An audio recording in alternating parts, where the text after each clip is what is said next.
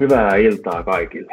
Tänään ollaan Pertin ja Tonin kanssa Neurotanoke podcastista ja puhutaan kärkijoukkokoulutuksesta ja minä olen Petteri. Ja Pertti, aloitetaanko heti siitä, että mikä on kärkijoukkokoulutus ja miten se liittyy Neurotanokeen? Kärkijoukko on vuoden mittainen ammattivalmentajille tarkoitettu jalkapallon valmentamisen koulutus. Kärkijoukossa käyttää viitekehyksenä neurovalmennusta tai tarkemmin sanottuna neurotanoke-valmennusta. Ja nyt kun puhutaan, että, tai kun puhutaan neurovalmennuksessa, niin silloin tietysti liikutaan ihmisen aivojen ja keskushermoston alueelle, alueelta. Ja tältä alueelta me ollaan rakennettu tämmöinen mittava oppimateriaali, jota on, joka on niin kytketty jalkapallovalmennukseen. Ja tätä materiaalia me ollaan kehitetty vuosien varrella. Että tässä on hyvin paljon aineksia psykokinestiikkakoulutuksesta, mutta niin kuin tavallaan jatkuvasti kehittynyt, paisunut ja muodostunut omanlaisekseen tuota paradigmaksi. Ja tällä hetkellä tämä on niin kuin tämmöinen valmennus, hyvin perusteltu valmennusmetodi, joka on syntynyt pitkäaikaisen työskentelyn tuota perusteella. Meillä osallistun tähän koulutukseen sekä lasten että nuorten valmentajia, että myös ää, aikuisten tuota, valmentajia. Et näin lyhyesti sanottuna näin. Se kesto on vuosi, ja nyt jos joku miettii sitten, että miten se vuosi jakaantuu ja miten, miten se opiskelu tapahtuu, niin onko se paikalla opiskelua, onko etäopiskelu mahdollista, onko se jotenkin jaksotettu, miten, miten, miten se käydään se vuosi? No meillä on aloitettu nämä, meillä on nyt kolmas kärkijoukko starttaa tammikuussa käyntiin. Ja meillä on ollut niin, että meillä on kerran kuukaudessa yksi luento. Ja aikaisemmin nämä on ollut paikallaan, eli täällä pääkaupunkiseudulla tuota, tapahtuvia ää, koulutuksia, mutta nyt meillä on ensimmäisen kerran mahdollista käydä tämä myös etäällä, etäältä, joka on pääasiassa tarkoitettu niille valmentajille, joilla on matkaa tulla tänne pääkaupunkiseudulle. Eli opiskelu onnistuu, onnistuu myös kauempaa Suomesta ilman, että joka kerta olisi paikan päällä ihan etänä, riippumatta missä asuu. Joo, näin on tuota, tarkoitus. Toni voisi kertoa enemmän tästä etäopiskelumahdollisuudesta. Niin, tota, mä itse asun siis Kuopiossa ja nyt on kaksi, kaksi kertaa käynyt, kun jäin ekalla kertaa luokalle, luokalle niin, tota, niin täältä Kuopiosta käsin, että mä bussilla matkustin tai autolla matkustin tuhat kilsaa edes takaisin. Ja, ja ä, oli siis sen arvoista. Mutta nyt kun tämä korona-aika oikeastaan saanut ihmiset, ihmiset miettimään niitä etä, etävaihtoehtoja työntekoon ja harrastuksiin ja opiskeluun, niin, niin mekin ollaan neurotanokessa nyt kehitetty sillä tavalla, että, että pystytään niin kuin pitämään, pitämään myöskin etäluonnet, eli pystyt koti, kotisohvalta tai kotitoimistosta käsin näkemään ne Pertin diat ja kuulemaan se Pertin puheen ja osallistumaan sitten osallistumaan keskusteluun. Eli tapaht, koulutus tapahtuu siis Zoomin, Zoomin tai Teamsin, Teamsin kautta sitten siellä, missä sinä olet. Sehän on, sehän on hyvä. Vaatiiko tämä, jos joku miettii, niin, niin vaatiiko se, se seurayhteistyötä, eli jos joku valmentaa seurassa töissä, niin pitää, vaatiiko se, että seura on jotenkin siinä mukana, vai onko, voiko valmentajat ihan henkilökohtaisesti vaan päättää ja tulla? Miten te olette ajatellut? E, sekä että, eli meillä voi olla mukana myös niin sanottu seuraton valmentaja, joka haluaa kehittää itsestään ammattivalmentajan, mutta suurin osa meillä on sellaisia valmentajia, jotka on osallistunut aikaisempiin kursseihin, on sellaisia, joille seura on maksanut tämän koulutuksen. Just joo, ja, ja varmasti jos tulee semmoisia jotain harjoitusteitä tai muita, jotka vaatisi joukkuetta tai, tai seuraa, niin pystytte varmasti tämmöistä valmentaa jollakin tavalla tässä yhteisössä auttamaan, jos hän on vaikka ilman seuraa tällä hetkellä tai joukkuetta. Niin... Joo, esimerkiksi meillä on aika paljon semmoisia myös fiktisiä niin kuin harjoitustehtäviä tai valmennustehtäviä. Esimerkiksi kuvitellaan, että valmennat X-joukkuetta ja rakennat sille e, pelitaktiikan, pelijärjestelmän tai niin poispäin. Että se ei ole niin kuin este. Just, just. Se on hyvä. Se on hyvä. Miten Pertti tämä on syntynyt, kärkijoukkokoulutus? Mistä se lähti ja miten tähän on tultu?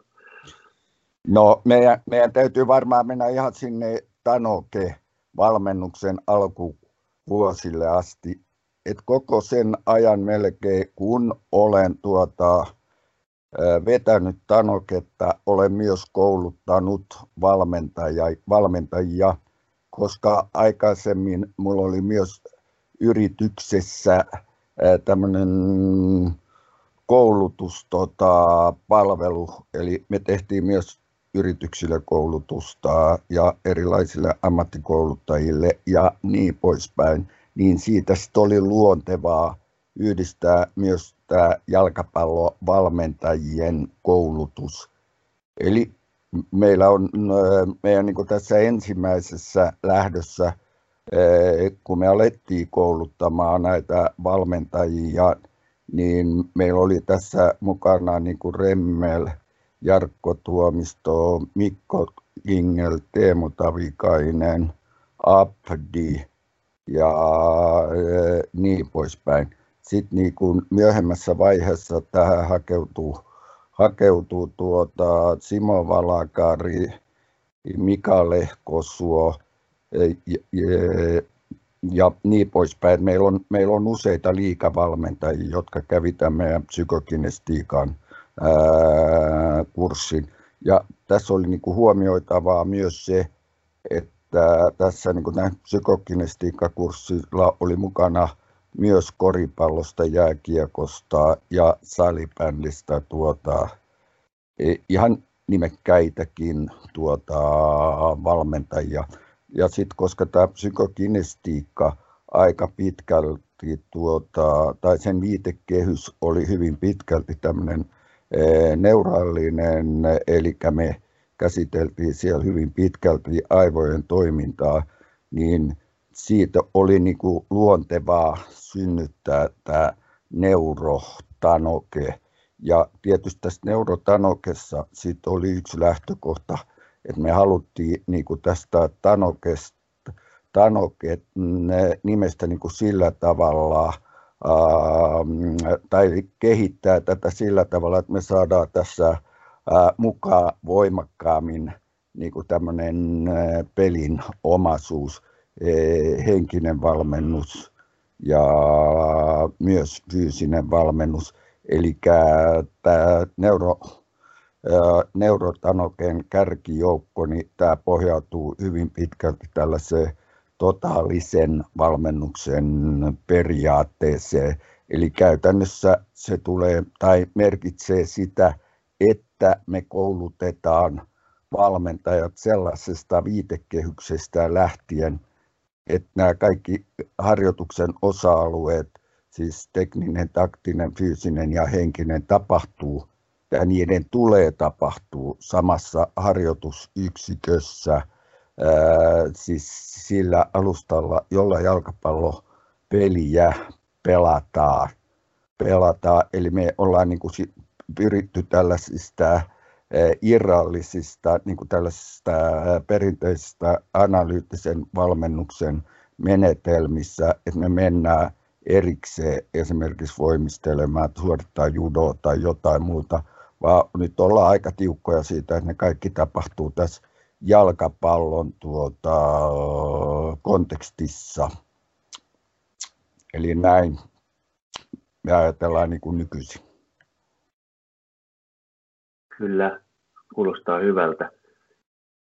Semmoinen, jos mietit, että ihmiset miettii käytännön läheinen tekeminen versus teoria, niin osaako jotenkin sanoa, sanoa niin kuin sitä jakoa, että miten, miten tämä kärkijoukkokoulutuksen vuosi niin kuin jakaantuu, jakaantuu noiden käytännön ja teorian niin kuin ympäriltä?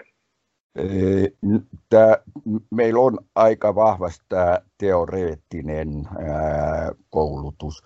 Ja se johtuu yksinkertaisesti siitä, että me perehdytään ihmisen aivoihin, hermostoon ja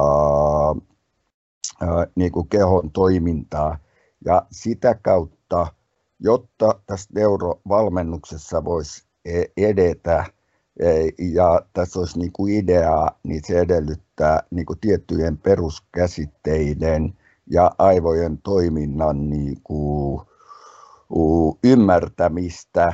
Ja tavallaan me puhutaan niin kuin aivotaidoista ja silloin kun me puhutaan niin kuin jalkapallotaidoista, niin lähdetään siitä, että melkein kaikki se, mitä me tehdään jalkapallossa, lähtee aivoista.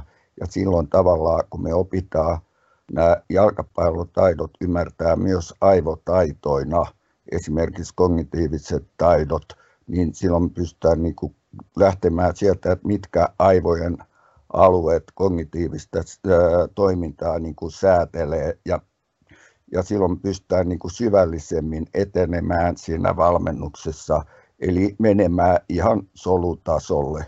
Eli silloin me puhutaan niin kuin aivokemiaa ja niin poispäin, joka säätelee hyvin monia asioita niin henkisessä valmennuksessa, keskittymisessä, motivaatiossa, mutta myös sitten esimerkiksi nopeusominaisuuksien suhteen, kun puhutaan tahtotekijöistä, tai sitten ihan taito-ominaisuuksien suhteen.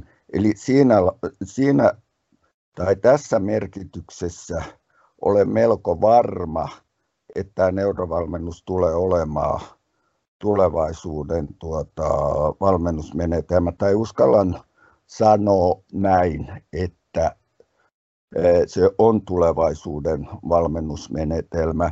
Ja nyt e, moni niistä, jotka on käyneet tämän meidän psykokinestiikan kurssin, oli sitä mieltä, että me elettiin silloin, kun me toteutettiin tätä psykokinestiikkaa valmennusta niin kuin aikaamme edellä – niin eh, eh, koen niin, että myös tällä hetkellä tämän neurovalmennuksen tota, suhteen, suhteen niin, niin, niin e, eletään aikamme tuota, edellä ja tässä suhteessa tämä antaa niin kuin tämän tyyliset valmiudet valmentajille.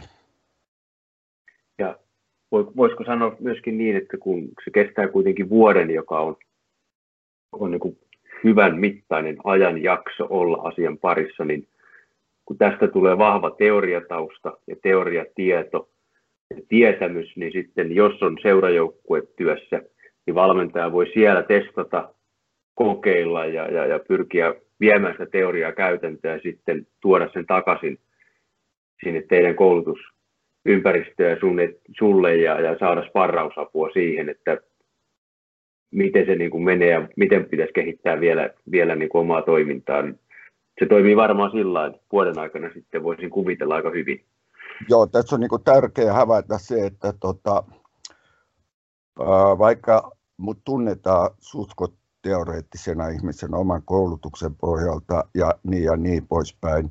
Mutta mm, me käytän koulutuksissa valtavasti käytännön esimerkkejä.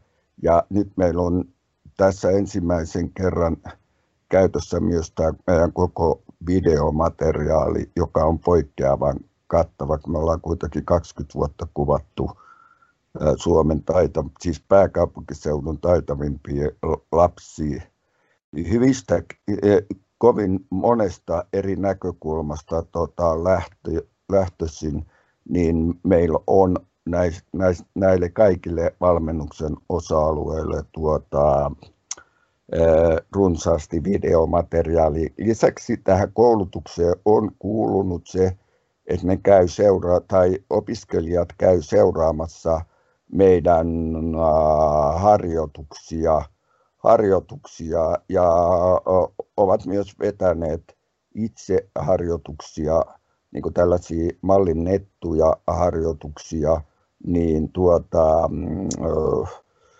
tätä kautta tämä käytännön harjoittelu tulee hyvinkin läheiseksi. Oikein, oikein hyvä.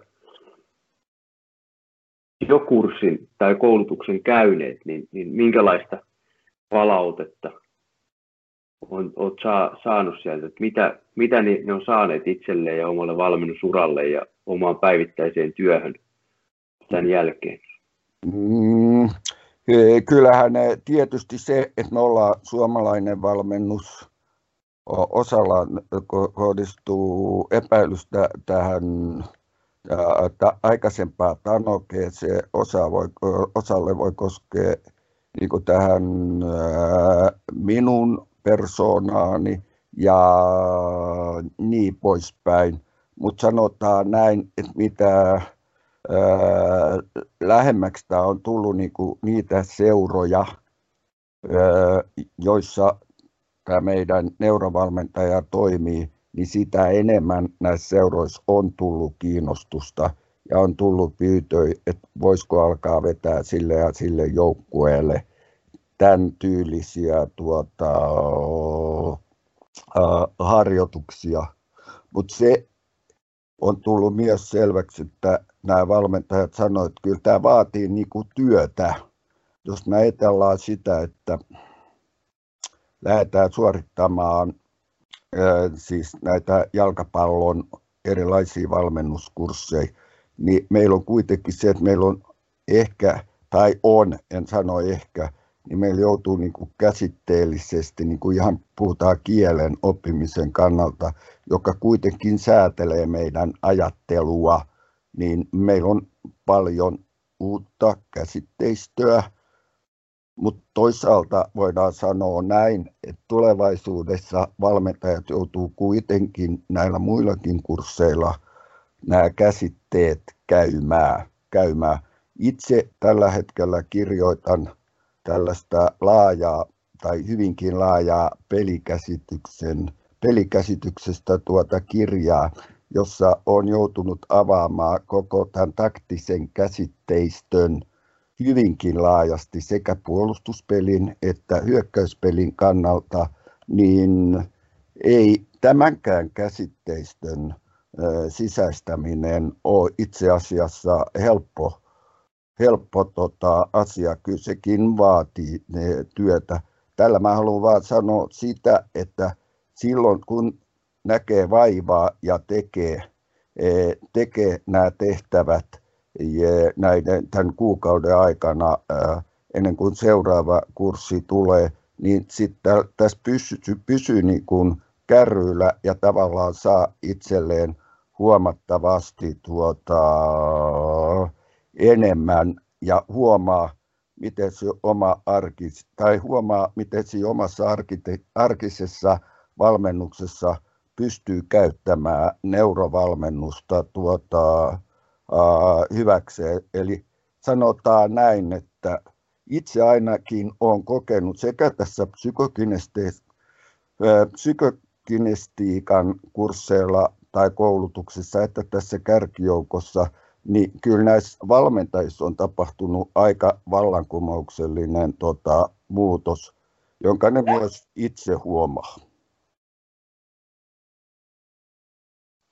Tuli. Joo, mä voin, voisin tämän käytännön tavallaan kurs, kurssin käyneen näkökulman tuoda tähän, että, että miten oma, oma valmennus tässä muuttui, niin sanotaan, että, että kyseessä on kumminkin niin kuin poikkeuksellisia harjoitteita, mitä täältä saa omaksuttua ja tämmöisen neuro, neurotanoke valmentaja, niin sen kyllä harjoitteet tai sen, sen erottaa niin kuin suomalaisessa jalkapallokentässä, että se on niin kuin, niin poikkeus, poikkeus siitä harmasta massasta tai niistä treeneistä, mitä, mitä löytyy niin kuin joka, joka seuran ja palloliiton, palloliiton niin kuin treenipankista, niin tästä saa kyllä semmoisen semmoisen lisä, lisävivahteen niihin treeneihin, että sitten sen huomaa niin kuin pelaajien kehityksessä ja huomaa siinä, että, että ne kiinnostaa myöskin ympäröivää ja niitä harjoituksia tarkkailevaa niin kuin ihmisjoukkoa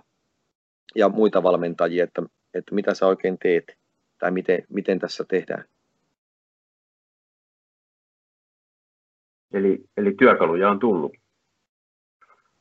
päivittäiseen Kyllä. valmennukseen. Joo, ja nimenomaan just sitä ja sitten se osuus siinä kurssissa, että kun on päässyt näkemään, näkemään miten se teoria sitten Pertin tai muiden, muiden kokeneiden valmentajien valmennuksessa menee siihen käytäntöön, niin se on niin kuin teoria ja käytäntö kohtaan toisensa niin kuin siinä kentällä sitten. Et siellä oikeasti tehdään sitä, mitä saarnata. Ja sitten toisaalta, kun näitä kirjoja kirjoittaessa on joutunut aika paljon, tai on ollut mahdollisuus perehtyä eri maailman maissa niin kuin tämän jalkapallon evoluution kehittymiseen, niin kyllä siellä niin kuin metatasolla on selkeästi havaittavissa tämä hakeutuminen tällaiseen neuropohjaiseen valmennukseen, joka johtuu siitä, että aivot on vielä loppujen lopuksi kuitenkin aika tutkimaton alue, vaikka siitä on nyt tullut tietoa hyvinkin paljon viime vuosien aikana, jota on alettu hyödyntää urheiluvalmennuksessa. Eli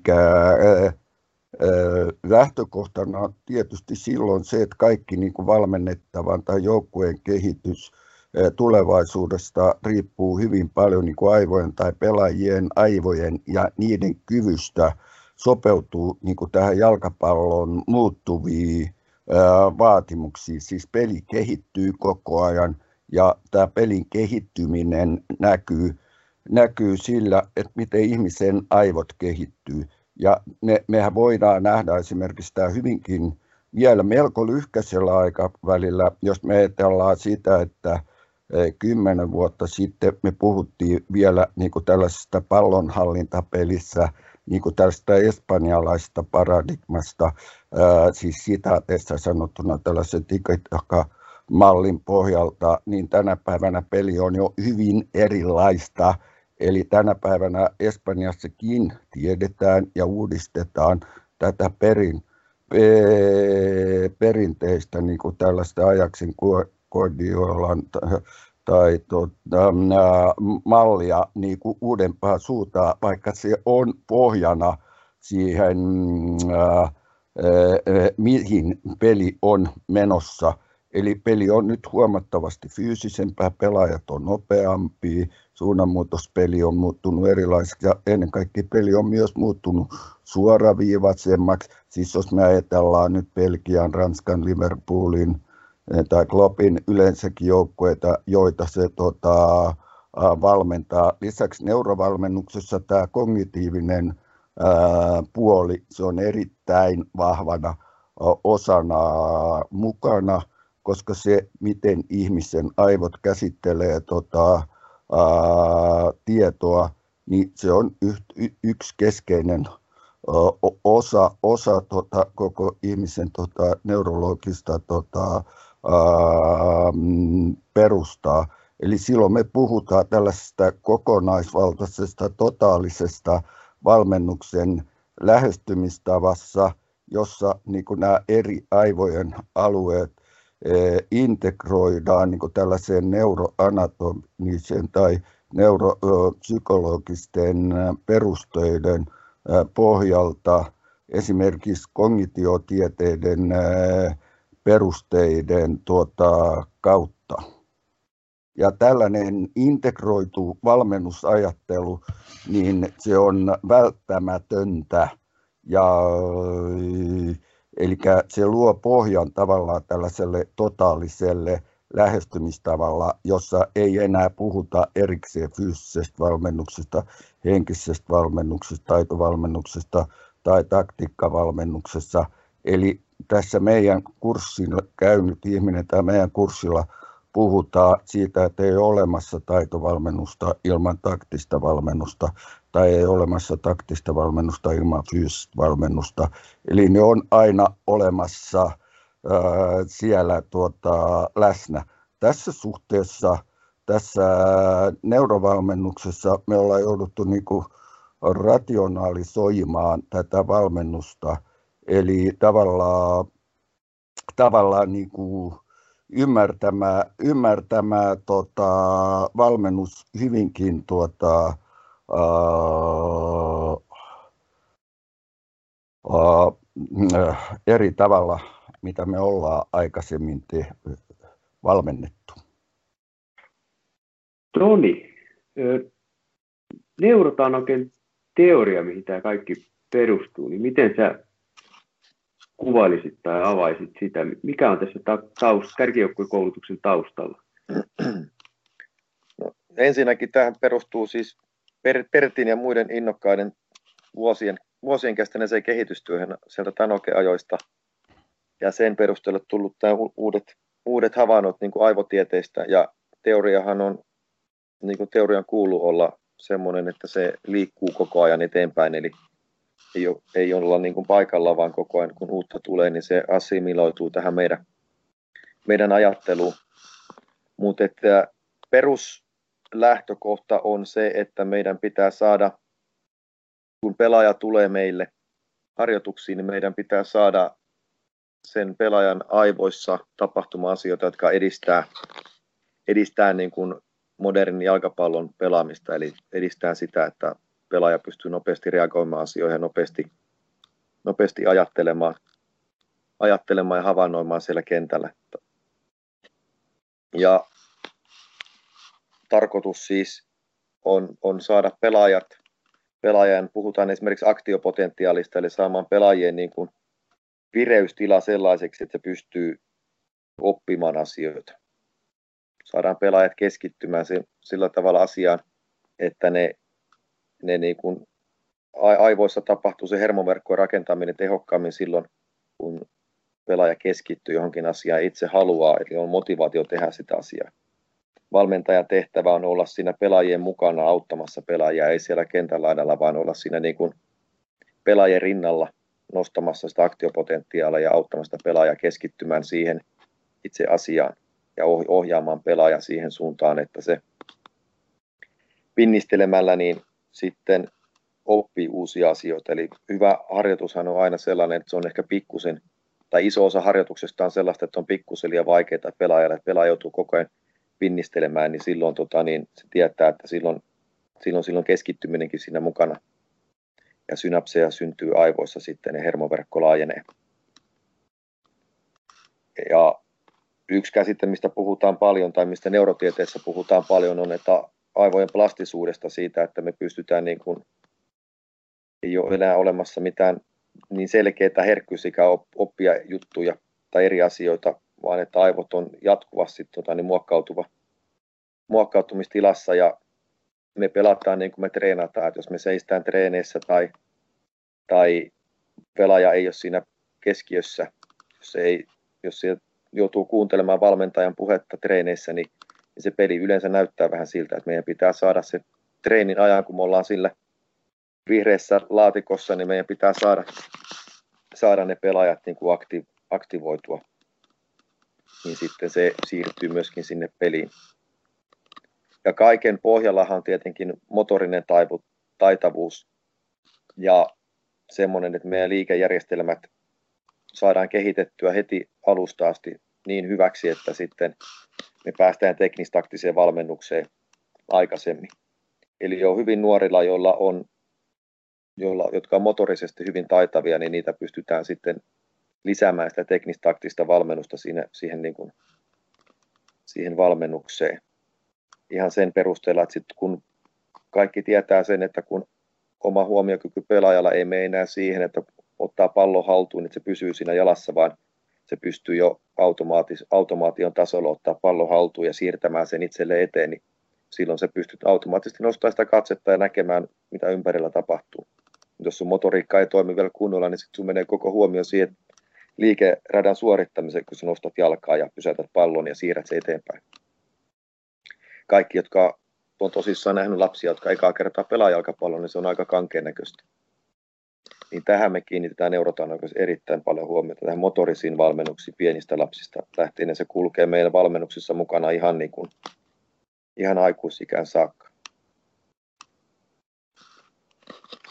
Eli tämän neurovalmennuksen avulla me vaikutetaan siihen, miten meidän tietyt aivotoiminnat saadaan toimimaan tehokkaammin ja sen vuoksi me lähdetään niin kuin liikkeelle aina, me ajatellaan, kun meillä on tietty harjoitus, mille aivoalueille se tota, kohdinne, kohdennetaan ja sen pohjalta me stimuloidaan se harjoitus tota, sen mukaisesti, kuten esimerkiksi motorisia, visuaalisia, tai visuaaliselle tai kognitiiviselle alueelle. Ja näin me voidaan oppia käsittelemään sitä palloa tai pelaamaan pallottomammin, taitavammin, kun me pystytään samaaikaisesti tietoisesti hallitsemaan, siis ymmärtämään, mitä tämä visuaalinen ja kognitiivinen ää, valmentaminen on. Esimerkiksi meillä on visuaalisia alueita, noin 38 eri aluetta aivoissa, joita meillä on suurinta osaa kyetään niin kuin jalkapallon pelaamisen kannalta tota, e, kehittämään. Näin ollen, jos me vaikka lähdetään ihan tämmöinen tota, ajattelemaan tällaista paikantamiskykyä, siis spatiaalista kykyä, niin tavallaan me tiedetään, millä aivoalueilla tämä spatiaalinen tota, paikantaminen tapahtuu, niin meidän on huo helpompi niin kuin lähteä kehittämään ja ymmärtämään sitä, että miten nämä lapset tuota, ovat tässä mukana.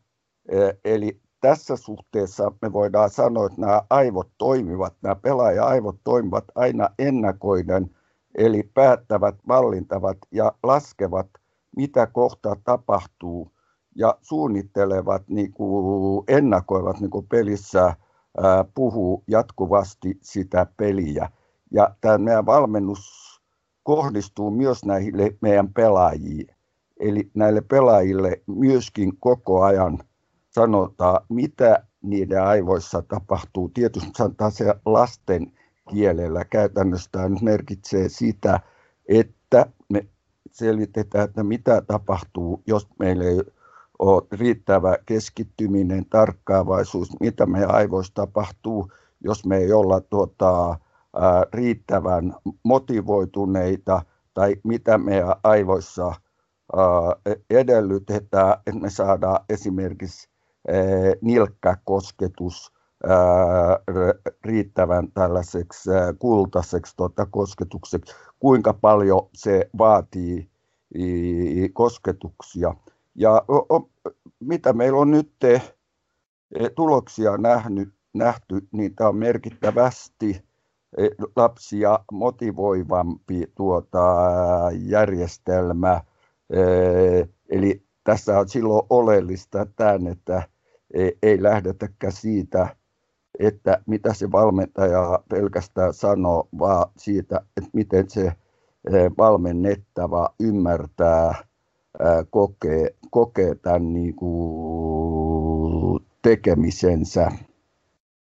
Eli tavallaan pelitilanteessa aivoihin tai harjoitustilanteessa aivoihin tulvahtaa niin kuin aistien informaatiotulva, eli valtavan paljon tulee tota, öö, tätä informaatiota, joka sitten taas ajatuu suuriin solujoukkoihin ja sieltä eri aivoalueille. Ja nyt tällaisen neurovalmennuksen pohjalta, tällaisen psykokinesteettisen valmennuksen pohjalta, me voidaan ohjata siis ympäristön kannalta tätä informaatiota tai näitä solujoukkojen joukkojen tota, kulkuja, niin kuin puhutaan spatiaalisesti, niin että mahdollisimman monta aivoaluetta toimii samaaikaisesti. Ja tästä taas me päästään sitten esimerkiksi pelin sujuvuuteen, nopeuteen e, ja niin edelleen. Oikein hyvä. Ja nyt jos kuulijoissa heräsi mielenkiinto, ja kuten varmasti heräsi, niin tähän loppuun, mistä Pertti valmentaja lähtee liikkeelle, mistä löytyy tiedot, kehen ottaa yhteyttä, miten pääsee mukaan? Tiedot löytyy täältä meidän nettisivuilta, eli neurovalmennus.com. Siellä on tuota, mm, tämmöinen ilmoittautumislomake, josta voi tuota, ilmoittautua tähän koulutukseen. Ja lisäksi meille voi aina soittaa ja kysyä, kysyä tästä koulutuksesta tuota, lisää. Tai mä täsmennän tuohon, että se on neurotanoke.com, se nettisivuosoite. Googlen kun laittaa, niin sillä löytyy. Eli neurotanoke.com. Oikein hyvä. Sinne. Kaikkia kiitoksia Pertti, kiitoksia Toni.